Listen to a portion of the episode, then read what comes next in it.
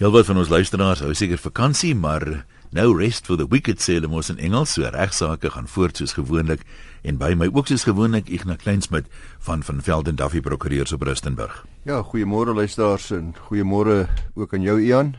Lekker om weer met ons luisteraars te gesels, veral omdat baie van hulle waarskynlik in 'n lekker ligte lym is, hou vakansie en ek hoop jy geniet dit. En is die laaste keer die jaar dat ons regsaake doen, hè? Volgende week is dit in Januarie. Dis absoluut so. Ian, ek sien uh, onlangs in die pers was daar 'n lang debat gewees oor al hoe meer eise teen dokters en ginekoloë wat 400 000 rand al versekerings per jaar betaal en die berig het onder andere gesê dat dokter Herman Edelinge, neurochirurg en ondervoorsitter van die Suid-Afrikaanse Regmediese Vereniging het gesê dokter vrees nou verstappe. Sommige topmedici wil liewers aftree of gaan boer. Hulle sien nie meer kans vir die uitgawes en hierdie risiko van die groot eise nie. Ja, kom ek stel dit so vir meeste mense is 400 000 rand 'n beduidende inkomste. Jy weet, as dit jou jaarlikse verdienste is, kan jy nie noodwendig luks leef nie, maar jy kan 'n bestaan maak daai. Ja, natuurlik het eintlik 'n nadeel het ons ook van die mediese fondse natuurlik en die mediese versekerings nie dit laat tariewe opgaan.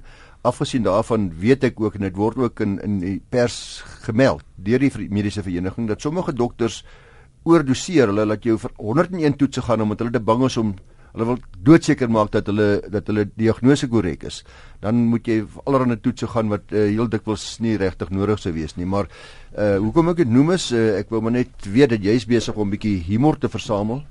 Uh vir die boek wat jy die lig wil laat sien. Ja, maar hierdie is nie snaaks nie. Nee, maar wat wel? Laat my nou dink aan die dokter wat uh, beseer was in die motorongeluk. En uh die ambulansman kom toe daar en hy en hy sien dit is dokter so en hy sê en hy sê dokter uh, hoe ernstig is jy beseer? Dis sê die dokter uh, antwoord sê, "Jy moet ek weet, uh, ek's nie 'n prokureur nie, vra my prokureur." Want dis ook maar ons as prokureurs wat dikwels die eise moet kwantifiseer en uh, deur aktuariële berekeninge moet bereken wat die skade is vir al wat daar ernstige beserings is. Maar dit het in Suid-Afrika die bedrag al hoe groter en groter geword. Mens moet vra hoekom, jy weet, ek meen is die is dokters oor die algemeen meer nalatig, is mense meer bewus daarvan dat hulle eise kan instel, is dit 'n spesialisgebied waar prokureurs meer fokus? Ek dink daar's baie redes, verskillende redes. Een van die redes is beslis dat die uh daar's heelwat prokureurs in Suid-Afrika wat MVO werk doen, is motorvoertuig ongelukke eise, die derde party sake. Daardie sake het dramaties verminder as gevolg van nuwe wetgewing en ek dink baie van daardie prokureurs het besluit om ook hulle fokus te verskuif ook na uh, mediese nalatigheidseise. So daar het 'n uh, daar het 'n groter klem gekom van die kant van prokureurs, maar ook baie belangriker.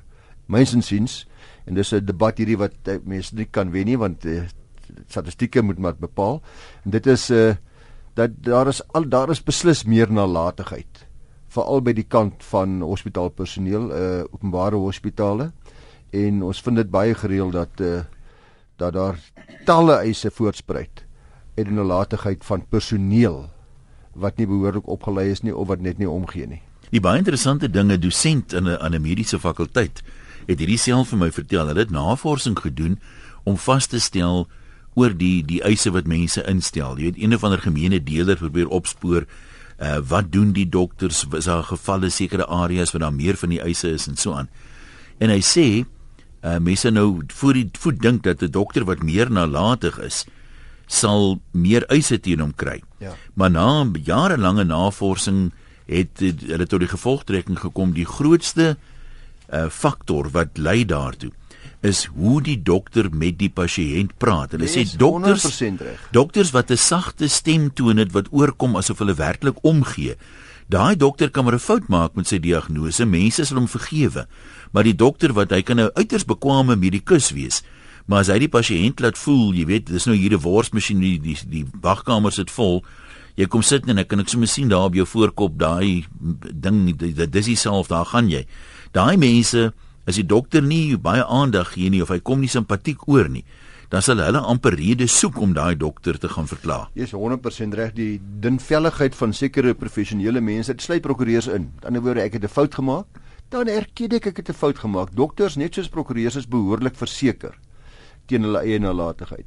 En as jy as jy as jy sê jy het 'n fout gemaak en jy sê jy is jammer, kan ek jou nou verseker.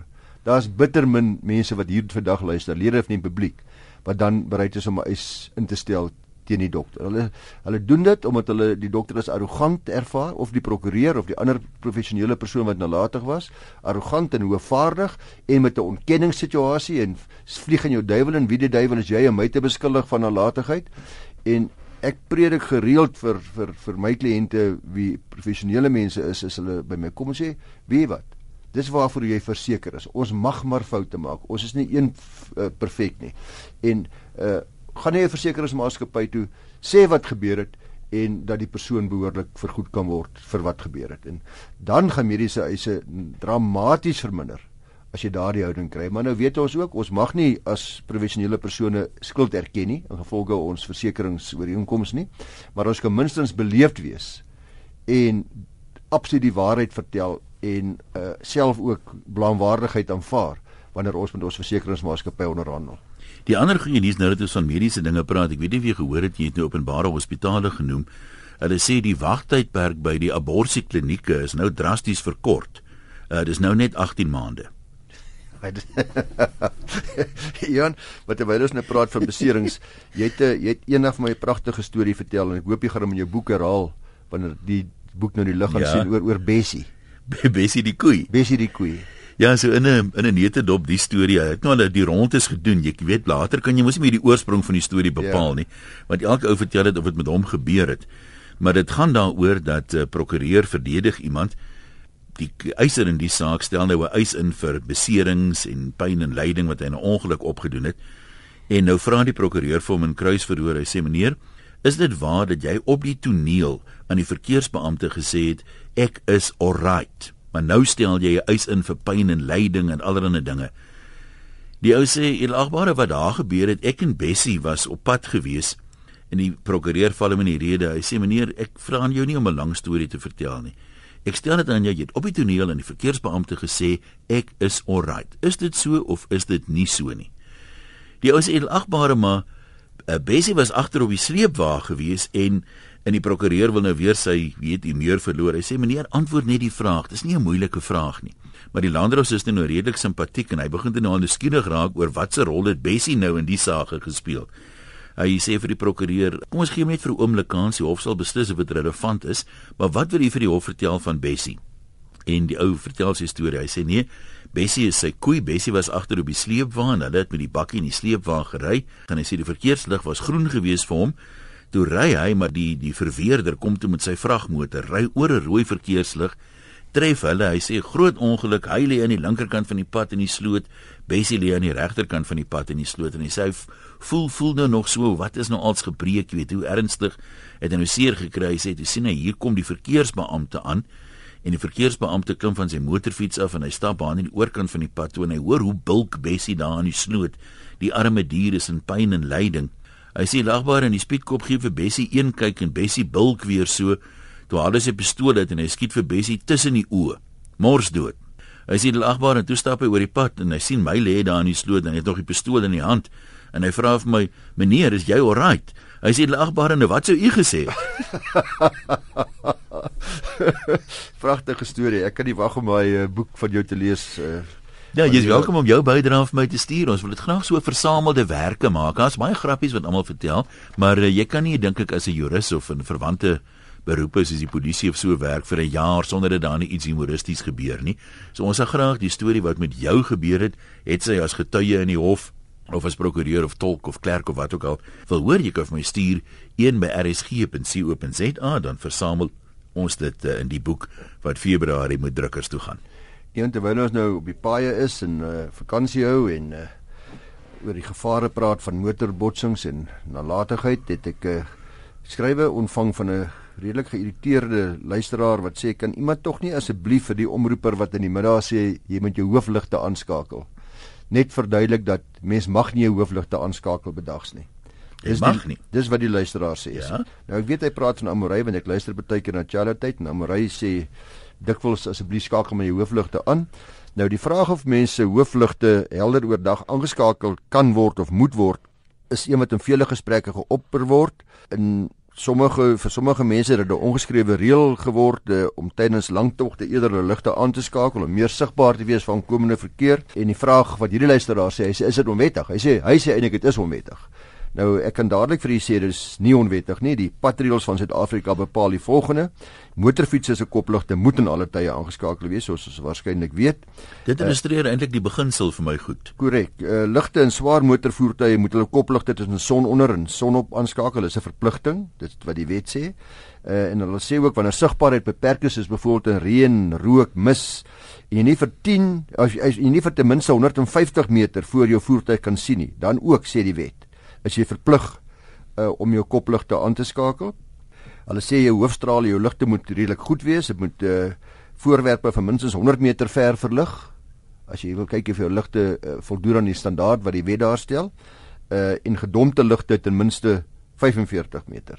Terloops dit net sê wanneer ons van ligte aanskakel praat, en dan praat ons van mense wat op domp moet sit.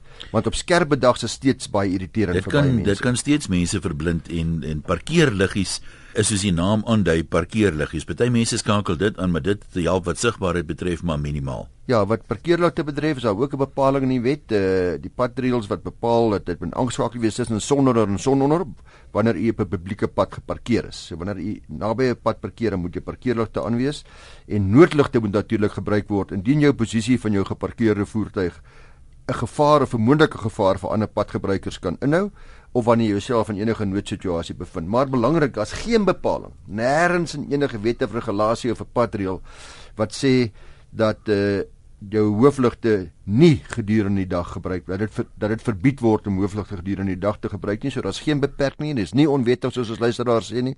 Amorey is heeltemal binne haar regte om om te om te sê en daar's terloops die departement van vervoer en organisasies soos Arrive Alive maak dit baie duidelik dat hulle 100% met daar saamstem dat hulle verkies dat motoriste met hulle hoofligte aanbestuur veral in die besige seisoen en my ligte is permanent aan besig of nie besig nie. Arrive Alive het ook 'n lights on veldtog van tyd tot tyd waar hulle tesame met die departement en ander organisasies motoriste versoek om met hulle gedompte strale aan te bestuur Die argument is ook gegrond op statistieke. Uh dis makliker om voertuie te sien sê hulle veral as die pad te weerspieëling maak en daar 'n skadu oor die pad teenwoordig is. Ek het dit al gesien. 'n Grys of 'n silwer of 'n swart voertuig word baie moeilik gesien. Ja, en die ding is mense kry as jy net na die kleure van motors kyk, skakerings van grys, donkergrys en so en is deesdae uiters gewild. Korrek. En dikwels smel dit so met die teerpad saam as dit nie vir die ligte was nie, sien dit sien die voertuig uh, nie so maklik gesien het nie. En dan sê die statistieke ook dat voetgangers kan 'n voertuig baie makliker raak sien. Onthou 40% van sterftes op ons paaie is voetgangers. En talle boskens kan vermy word volgens die die kenners as as die voetgangers die ligte van ver af kan sien. Ja, wanneer begin ons moet moenie drink en loop in die veld tog? ja, dis ook dan 'n wragtige probleem, nê. Nee. Of drinkbaar sou jy nie meer kan loop nie, dis wat jy probeer sê. nee, ek dink baie van die voetgangers, alkohol is mense weet, drink en bestuur weet almal van, maar baie van hierdie voetgangers is ook dis wel bekend dat meeste van hulle is tot 'n mate onder die invloed van drank, dis waarom hulle nie behoorlik uitkyk hou nie. Ja, uh, dit is so en ek het ook al uh, met die die ander aspek wat baie keer vir luisteraars pla is die feit dat sekere luisteraars beweeg nie na links wanneer jy uh, wil verbygaan nie want hulle beweer dat daar is 'n beperking dat jy mag nie oor die geel streep beweeg nie. Dit word nie toegelaat nie. Nou uh, in baie gevalle ek sien veral groot vragmotors sal jy teken agter by die vragmotor sien dat ek mag nie. Moet nou nie vir my kwaad word nie ek mag nie. Maar ek het dit al ek het nou nie die die uh, besonderhede hier voor my nie ek het dit al bespreek jare wat gelede. Daar's geen beletsel daarteen om na links te beweeg om iemand anders verby te laat nie. Natuurlik is die geel streep daar vir uh, vir noodgevalle, vir noodvoertuie, regulasie 298 uh, daai ook van die van die padverkeerswetgewing maak dit duidelik dat voertuie binne geel strepe mag ry indien hulle in 'n noodgeval verkeer. Maar dit beteken nie jy mag nie daar ry as jy nie in 'n noodgeval uh is nie. Uh dit geld net in die, in in die dag daai daai reël is uh dis ook van toepassing op alle noodvoertuie wat daar wat daar mag beweeg. Maar daar kan ons aangeneem word dat indien 'n voertuig binne die geelstreep ry en sy gevaarligte aanskakel, sy noodligte aanskakel, dat daardie voertuig 'n noodvoertuig is. 'n uh, Amptelike noodvoertuie sal ook oor 'n sirene beskik, maar ons gewone bestuurders, geen probleem om maar links te beweeg. Ek dink uh, enige iemand wat oor die Desember die langpad vat, was al menigmal baie dankbaar vir daai hoflikheidsgebaar want verkeer okay. hoop so op ja, en anders sit jy partymal voel vir jou soos weet nimmer eindigend agter uh, stadiger verkeer so dit help definitief om verkeer beter te laat vloei Maar nou party mense hou so aan verbygaan die arme ou kry nie kans om terug te kom as daar nou een of ander iets in die pad is of die pad raak weer net 'n enkelbaan daar nie. Ja.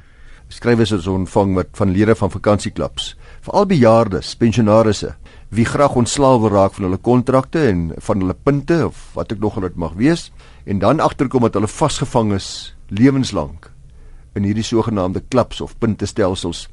Jy moet aanhou betaal alhoewel hulle lankal nie meer die voordele benut of wil benut nie en dikwels ook nie kan benut nie omdat jy moet so lank voor die tyd bespreek as jy sekere van hierdie plekke wil gebruik. Dis 'n algemene klagte, ja. jy kry nie plek nie. Nou die nasionale verbruikerskommissie is nou al 'n geruime tyd besig en veral gedurende die afgelope jaar in 2015 is daar baie stappe geneem teen twee van die grootste vakansieklubgroepe by hierdie verbruikerstribunaal die verwagting was dat hierdie sake voor die tribunaal sou dien onder andere teen die Univision Groep dat dit hopelik voor die einde van 2015 sou plaasvind en daar was ook teen die Club Leisure Groep wat waarskynlik iewers in 2016 afgehandel sal word. Nou, hoe ver die saak is, weet ek nie, maar die basis van die aansoeke voor die verbruikerstribunaal is basies dat die skema waarvolgens die puntestelsel werk moet as onwettige skemas verklaar word. Nou indien dit natuurlik gebeur sal dit outomaties ook die gevolg hê dat die kontrak ongeldig sal wees. Die alternatiewe aansoek is of regsel wat gevra word is dat die kommissie gevra word dat die ewigdurendheid van hierdie kontrakte as ongeldig of onkonstitusioneel verklaar word of onbillik verklaar word. Nou die meeste van hierdie kontrakte het 'n onbeperkte termyn en dit sê die aansoekers is onredelik en behoort dan as onwettig aangestip te word. Hulle is van mening dat dit net redelik en billik is dat die partye tot so 'n vakansieklub kontrak geregtig moet wees om op 'n stadium te kan uittreë of terug te tree uit so 'n kontrak. Nou, dis belangrik dat ons hier onderskei moet onderskei luisteraars tussen die die puntestelsel wat glad nie dieselfde ding is as tyddeel en deeltitels nie. Tyddeel en deeltitels. Ek praat nie nou daaroor nie. Dit word gereguleer deur behoorlike wetgewing. Daar's 'n wet wat tyddeel reguleer, daar's 'n wet wat deeltitels reguleer, terwyl die nasionale verbruikerskommissie se standpunt is dat die puntestelsels, dis waarvan ons hier praat, 'n onwettige skema is in terme van die wet op verbruikersbeskerming. Uh, ek het ook al vir u genoem dat dit duidelik is dat die Vryheid Vryheidsfront Plus ook heelwat doen om hulp te verleen aan vakansieklaplede wat probleme het en veral die wat beweer dat hulle nie meer die diens kry wat hulle gedink het hulle behoort te kry nie of die wat graag wil uittreë omdat hulle nie meer kan sien vir die ewigdurende aard van die kontrak. Nou, ek het hoeveel keer briewe gekry in hierdie program Ian wat sê, "Wie weet wat ons het die kontrak gekoop toe ons nog gewerk het. Albei, ek en my vrou, ek en my vroutjie het gewerk. Ons albei is laat. Nou is pensionaars, meneer, ons kan dit nie bekostig nie. Ons het nie eers petrolgeld nie. Ons ry nie meer, ons kan nie meer bestuur nie. Ons moet elke jaar hierdie paar duisend rand betaal en hulle wil niks weet nie. Hulle wil nie ons luister nie. Dis daai soort van hartseer stories wat jy baie kry. Nou die Vryheidsfront Plus het 'n persoon met die naam van Anton Alberts, is 'n parlementêre woordvoerder wat ek nou maar gereeld in die pers sien. Ek het nou nog nie ontmoet of of weet nie wie hy is nie, maar uh, hy het nogal hierdie ding vasgevat en hulle doen baie moeite. Hy is die woordvoerder oor handel en nywerheid en volgens die pers meld hulle dat hulle graag mense wat in hierdie posisie is wil help. Nou ek neem nie vrymoedigheid om sy e-posadres sonder sy toestemming ook te gee want ek het dit in die pers gesien. Uh en kan u u die probleem beslis met hulle deel. Hulle is besig om heelwat aandag hieraan te gee. Dit is ek ek gee dit vir u is help H E L P by vfplus.org.za. Help by vfplus.org.za. Hulle sal dan blykbaar aan u 'n aansoekvorm stuur soos ek die persberig verstaan wat u kan voltooi en weer aan hulle terugbesorg sodat dit kan deel vorm van die nasionale verbruikerskommissie aansoek wat hulle in die proses is om te beredder. Dis nie altyd maklik luisteraars om die uitslae van die verbruikerstribunaal se saak in die hande te kry nie. En sal ek dit en ek glo ons program dit u baie waardeer en dien die van u wat reeds by hierdie saak dalk betrokke is of iemand van die Vryheidsfront Plus of meneer Alberts homself dalk vir ons by hierdie program die behoogtes sal hou van die verwikkelinge veral met betrekking tot die uitsprake waarna ek verwys het wat ons te wagte is. Dit sal baie waardeer word en dit sal vir baie ander luisteraars van groot hulp wees. Kom ons gee sommer jou e-posadres ook dat hulle dit direk vir jou kan stuur. igna@ffd.co.za. Ek sit net sommer 'n wonder die algemene klagte wat mense dikwels in die braaivleisvuur hoor is mense is nou lede, nou wil hulle vakansie bespreek by 'n spesifieke plek, maar dan's die plek gewoonlik vol en dan word daar vir hulle gesê maar ons kan jou nou daar akkommodeer dikwels op verder plekke wat nie so gerieflik is en so aan nie. Ja. Ek raai nou maar dat kom ons sê die spesifieke oord het argumente al vir 20 chalets wat 'n mens kan uitverhuur dat die mense half dit oorverkoop, jy weet, op die assumpsie dat nie almal sal nou gelyk wil gaan nie. Dis baie keer soos gym toe gaan. Ek meen, is almal wat gym lidmaatskap het nou begin oefen. Het hulle jare se moeilikheid want ek dis nie 10% van die mense wat ooit gaan. Nee, dis die bewering uh, wat gemaak word dat jy kan nou by hierdie wonderlike strandoord kan jy elke jaar vir 'n week gaan kuier en moenie bekommerd wees nie en dan kom jy agter jy kan maar bespreek hy's vir die jaar 9, 10, 12 maande reeds vooruit bespreek en dan moet jy na die minder uh, gerieflike of plekke waar jy eintlik nie wil wees nie gaan. So dit is 'n dis 'n reuse probleem. Uh maar kom ons hoop dat uh ek dink die die kans dat hierdie probleem in 2016 finale nekslag toegedien gaan word dat ons gaan uh, hulp kry vir die verbruikers is uitstekend. Goed, ons gaan nog vir 'n korterige bydrae tyd hê. Die gebruik van ukutwala is 'n tradisionele strategie van jong verliefdes om huweliksamesprekings te verseker het onlangs weer ter sprake gekom toe 'n 14-jarige meisie deur 'n 28-jarige man geïdentifiseer was as sy toekomstige bruid. Dis in die saak van Jesile versus S en ander. Dis in die Wes-Kaapse Hoërhof. Is 'n ongerapporteerde saak 127 van 2014 in die Wes-Kaapse Hoërhof, maar 'n baie belangrike saak. Uh want die vraag vir die hof was of hierdie gebruik, hierdie ukutwala, dit gebruik kan word as 'n verweer teen misdade soos verkrachting, mensehandel, mense aanranding met die opset om ernstig te beseer en dis wat hier gebeur het. Die feite was as volg. Die persoon het tydens 2009 'n platlandse dorpie besoek, 'n klein rural eh, afgeleë gebied met die doel om 'n jong bruid vir homself daar te gaan toeëien. Die klaagster was toe 14 jaar oud en sy is deur hierdie persoon geïdentifiseer as die perfekte kandidaat. Uh sy was op daardie stadium maar in graad 7 en sy het op daardie stadium by haar familie gewoon, nie by haar ouers nie, by haar uitgebreide familie en haar ouma, terwyl haar ma in 'n ander dorp werksaam was. Nou hy daardie die die die persoon het op die dag uh, vir die familie gevra om tradisionele lobola onderhandelinge uh, met haar familie te begin.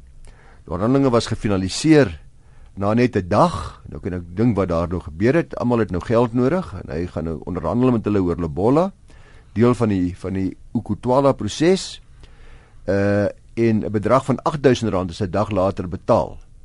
As Lebola in die klaagster is toe na 'n nuwe man geneem waar hierdie gemeenregtelike huwelik toe ook nou sommer dadelik voltrek moes word. Sy het 'n week daarna weggehardloop van die nuwe huis af waar sy heen geneem is. Uh sy is 'n paar paar dae later teruggevind deur die bruidegom met 'n sambok geslaan en uh ook deur hom en deur een van die ooms, een van die ander familielede nou wat nou kwaad was omdat sy nou nie wil doen wat sy moes doen nie want hulle het nou 8000 rand daarom nou seker begin gebruik ook op daardie stadium. Kort daarna sy per huurmotor na Kaapstad geneem teen haar wil. Sy het uh, weer geweier, uh, sy het geweier ook om verdere seksuele omgang met uh, met met die man te hê en hy het voortgegaan om haar by verskeie geleenthede volgens haar getuienis te verkrag en ook aan te rand. Uh, sy het weer eens ontsnap Sy is by na 'n plaaslike polisiekantoor toe waar sy uiteindelik bietjie hulp gekry het en hy is toe aangekla van verkrachting, mensehandel, aanranding met die opset om ernstig te beseer. Hy is toe skuldig bevind en hy het appelle aangeteken. Appelle het hy aangevoer en dis waar die verweer nou vandaan kom dat hy in 'n gewoon regtelike huwelik uh, met die klaagster was, dat dit 'n integrale deel van die hele Ikutwala proses uitmaak. In gevolg daai proses terloops moet die bruid kammistig beswaar maak en terwyl dit eintlik dit word verwag dat sy beswaar moet maak en die hof het bevind dat daar 'n onderskeid is, 'n baie duidelike onderskeid is tussen wat verstaan moet word onder sekere tradisionele begrippe. In hierdie geval die die terme in die hedendaagse toepassing van ukutwala sê die hof is 'n metode waar volgens gewillige paartjies onderhandelinge tussen hulle families bewerkstellig. En daar is sekere vereistes wat daaraan voldoen moet word. Jy sien nie met soos in die ou dae wat jy wat jy kan maak wie jy lus is nie daar sekere vereistes. Dit moet onder andere moet dit voldoen aan ons grondwet. Maar die bruid moet oud genoeg wees om kinders te baar dis een van die equitwala reëls. Toestemming moet deur beide partye verkry word. Moet altyd toestemming wees van albei kante wat kan nie gedwonge wees nie. As deel van die proses sal die partye reël dat die bruid ontvoer word met sonsondergang. Dis nou komstig die ontvoering is komstig ook. Die bruid moet dan gewoonlik haar teenkanting gee maar slegs 'n vertoning maar sy moes voor die tyd al reeds ingestem het. In hierdie geval was dit nie so nie, was geen instemming voor die tyd nie, sy het net die dinkant gehad. Uh die bruid sal dan na die bruidegom se huis geneem word waar sy in die sorg van ander vrouens van daai familie geplaas sal word. Die bruidegom se vader sal dan ingelig word van die bruid bruidegom se begeerte dat uh, om die dogter te trou. Seksuele omgang word streng verbied tydens hierdie hele periode wat nou duidelik in sommige praktyksgebiede nie plaasvind nie, sommige gebiede nie is praktyk is nie. Die bruidegom se familie sal aan die bruid se familie kontak en dan sal onderhandelinge begin. En belangrik is die bruid se familie hoef nie toe te stem nie, dan moet sy terugbesorg word en dan moet die equitwala moet dan soms terugbetaal word. En die hof sê die tradisionele gebruike het so verander dat die basiese regte van jong meisies nie geskend kan word deur hulle te ontvoer of bloot te stel aan geweld en of of enige seksuele mishandeling of veral nie verkrachting nie. So die appel van hierdie persoon is van die hand gewys en uh die gebruik van equitwala as 'n regverdiging vir enige kriminele gedrag. Enige kriminele gedrag is deur die hof finaal beskou as taboe. Uh so hy is toeskuldig bevind aan die verskillende misdade wat ek reeds genoem het. So luisteraars, wees maar versigtig. Dis alwaar vir ons gaan tyd hê vandag. Ons praat volgende jaar weer.